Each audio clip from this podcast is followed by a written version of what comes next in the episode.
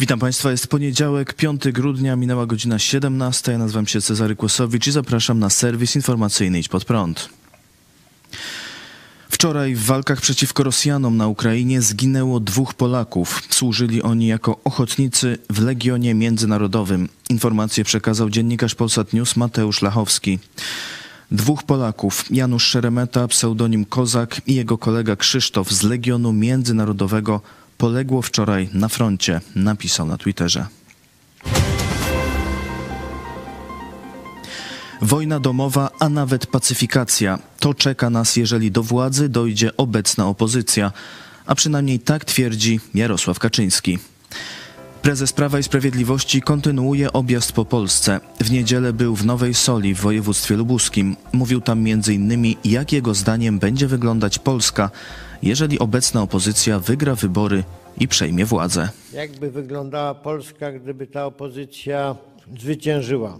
Mają do zaproponowania atak na wszystko, co jest im przeciwne, wielką operację represyjną, łamać prawo, bo w gruncie rzeczy w ramach prawa nic takiego jest niemożliwe, więc łamać prawo, łamać zasady demokracji, bo innej opozycji niż ta, którą my byśmy byli, gdybyśmy przegrali, w Polsce przecież nie ma.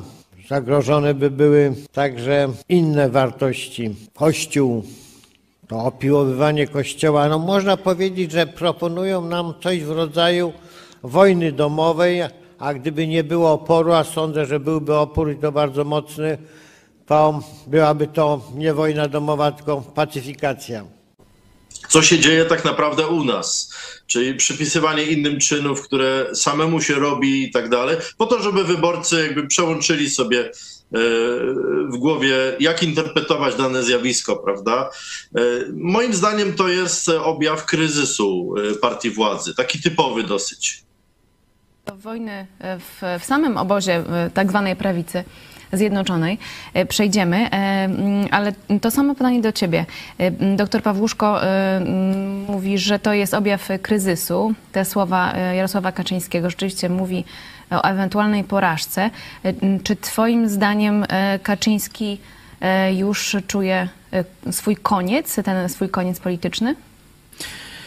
Na pewno działa szkodliwie dla Polski, bo Polska w obliczu wojny z Putinem nie potrzebuje teraz no, tego rodzaju wojny. W Nowej Soli Jarosław Kaczyński poruszył też temat służby zdrowia i wynagrodzeń lekarzy. Myśmy prawie podwoili wydatki na służbę zdrowia. Zarobki, chociaż bardzo zróżnicowane są lekarze, którzy zarabiają całkiem przeciętnie, ale jest i taki, że no, niektórzy zarabiają naprawdę bardzo, bardzo dużo i ja nie miałbym z tego powodu e, pretensji, gdyby służba zdrowia naprawdę działała tak, jak powinna działać. Pogoń za pieniądzem w tym środowisku jest jednak przesadna i będzie trzeba coś z tym zrobić. Musi być spełnionych jeszcze parę innych warunków. Przede wszystkim musi mieć to poczucie odpowiedzialności za pacjenta. No, lekarz jest człowiekiem nie tylko pewnego zawodu, ale także pewnej misji. Tak jak zresztą ludzie innych zawodów, czy jak na przykład ksiądz. Francja i Niemcy chcą współpracować z Putinem. Przywódcy tych krajów w ostatnich dniach mówią o układaniu się z Rosją, a nawet o powrocie do dawnych relacji. Prezydent Francji Emmanuel Macron w wywiadzie dla francuskiej telewizji TF1 mówił o tym, jak doprowadzić do zakończenia wojny w Ukrainie. Stwierdził, że trzeba zapewnić bezpieczeństwo Rosji. Zachód powinien rozważyć, jak odpowiedzieć na zgłaszaną przez Rosję potrzebę uzyskania gwarancji bezpieczeństwa, jeśli Władimir Putin zgodzi się na negocjacje w celu zakończenia wojny z Ukrainą. Jedną z podstawowych kwestii, do jakich musimy się odnieść, jak zawsze mówił prezydent Putin, jest obawa Rosji, że NATO podejdzie tuż pod jej drzwi oraz obawa przed rozmieszczeniem broni, które mogłyby zagrozić Rosji. To będzie jeden z czynników decydujących o pokoju, więc musimy być na to przygotowani, co jesteśmy gotowi zrobić, jak mamy bronić swoich sojuszników i państw członkowskich, a jednocześnie dać Rosji gwarancję bezpieczeństwa, gdy wróci do stołu rozmów, powiedział Macron. Na słowa prezydenta Francji odpowiedział sekretarz Ukraińskiej Rady Bezpieczeństwa Narodowego i Obrony Oleksij Daniłow. To świat potrzebuje gwarancji bezpieczeństwa od Rosji, a nie na odwrót. Zamiast Norymbergi, podpisanie porozumienia z Rosją i uściski dłoni, ukraińska krew na rękach Putina nie przeszkodzi w business as usual, to dziwna logika zakulisowych zabiegów dyplomatycznych, której czas minął, powiedział Daniłow. W niedzielę Emmanuel Macron powiedział w telewizji CBS News, że utrzymuje kontakty z Putinem, bo najgorsza jest polityka izolacji.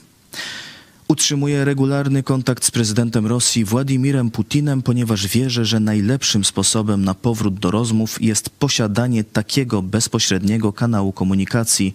Polityka izolacji jest najgorsza, szczególnie wobec takiego lidera, jakim jest Putin, stwierdził prezydent Francji. Kanclerz Niemiec Olaf Scholz na berlińskiej konferencji bezpieczeństwa powiedział, że trzeba wrócić do ładu przedwojennego. Musimy wrócić do porozumień, które mieliśmy w ostatnich dekadach i które były podstawą ładu pokojowego i bezpieczeństwa w Europie, a dla Rosji oznacza to również, że akceptuje ona, że istnieją otwarte społeczeństwa, demokracje, które podążają zupełnie inną drogą w kwestii tego, jak są rządzone i jak przyciągają ludzi. Możemy wrócić do porządku pokojowego, który działał i ponownie go zabezpieczyć, jeśli w Rosji jest wola powrotu do tego porządku pokojowego. To, co Macron mówi, długofalowo jest dosyć niebezpieczne dla Polski, ponieważ w interesie Polski jest wypchnięcie Rosji z europejskiego systemu bezpieczeństwa, bo po to właśnie wchodziliśmy do NATO i po to właśnie wspieramy Ukrainę, a może w przyszłości też Białoruś, po to, żeby Rosji tutaj po prostu nie było. A, a Rosja jako partner współdecydujący o e, przyszłości Europy, o bezpieczeństwie Europy, no przypomina Francuzom z dobrym skojarzeniem, Polakom z jak najgorszym skojarzeniem czasy XIX wieku, kiedy tutaj po prostu święte przymierze monarchów e, trzymało wszystkich za twarz. Te czasy, mamy nadzieję, już nie wrócą. Mam wrażenie, że Francuzom brakuje też wrażliwości na te problemy Europy Wschodniej i dlatego a też i słaba pozycja dyplomatyczna Polski pokazuje, że no nie jesteśmy w stanie mm, zareagować. W Warszawie w sobotę kilkadziesiąt osób protestowało przeciw chińskiemu reżimowi. Manifestujący z Chin, ale także z Wietnamu, Hongkongu, Tajwanu i z Polski wyrażali sprzeciw wobec działań komunistycznych władz w Chinach. Bezpośrednim powodem manifestacji były ostatnie wydarzenia w Chinach, gdzie z uwagi na restrykcyjną politykę zero COVID i zamykanie ludzi w domach przy pomocy metalowych zapór doszło do spalenia żywcem uwięzionych w płonącym budynku ludzi. Co ważne, to nie jedyny powód manifestacji, ale niejako punkt zapalny, który u wielu Chińczyków wywołał oburzenie i który wskazują jako jeden z wielu przykładów okrutnego traktowania ludzi w komunistycznych Chinach.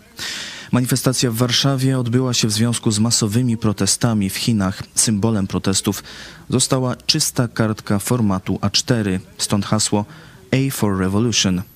Demonstranci domagają się wyeliminowania polityki zero COVID, zniesienia lockdownów, wypłacenia odszkodowań rodzinom ofiar niepotrzebnych blokad i poszanowania prawa do wolności i prywatności. Żądają też uwolnienia wszystkich aresztowanych demonstrantów oraz zaprzestania cenzury mediów społecznościowych.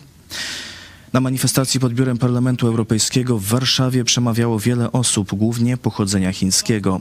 Z uwagi na obawę o prześladowania przez komunistyczne władze, część z nich występowała zamaskowana. Główną przekazywaną przez przemawiających myślą było ukazywanie prawdziwego oblicza komunistycznej władzy w Chinach oraz samego Xi Jinpinga, jak również prośba o wsparcie ich walki na różnych płaszczyznach.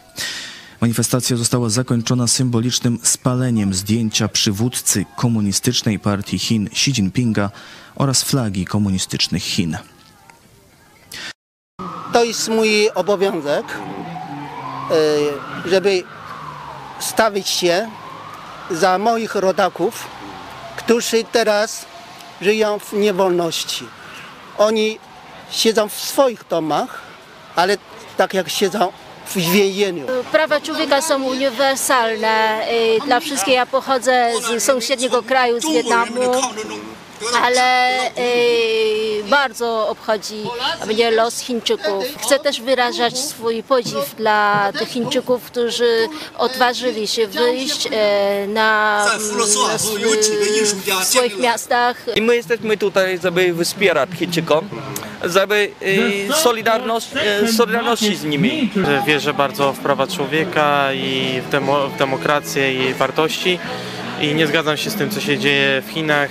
Polityka restrykcyjna, czyli e, zero COVID jest e, zbyt, e, zbyt restrykcyjna, zbyt ciężka na mieszkańców i przynosi tego wymierne skutki. Bardzo złe, bardzo złe działania to są.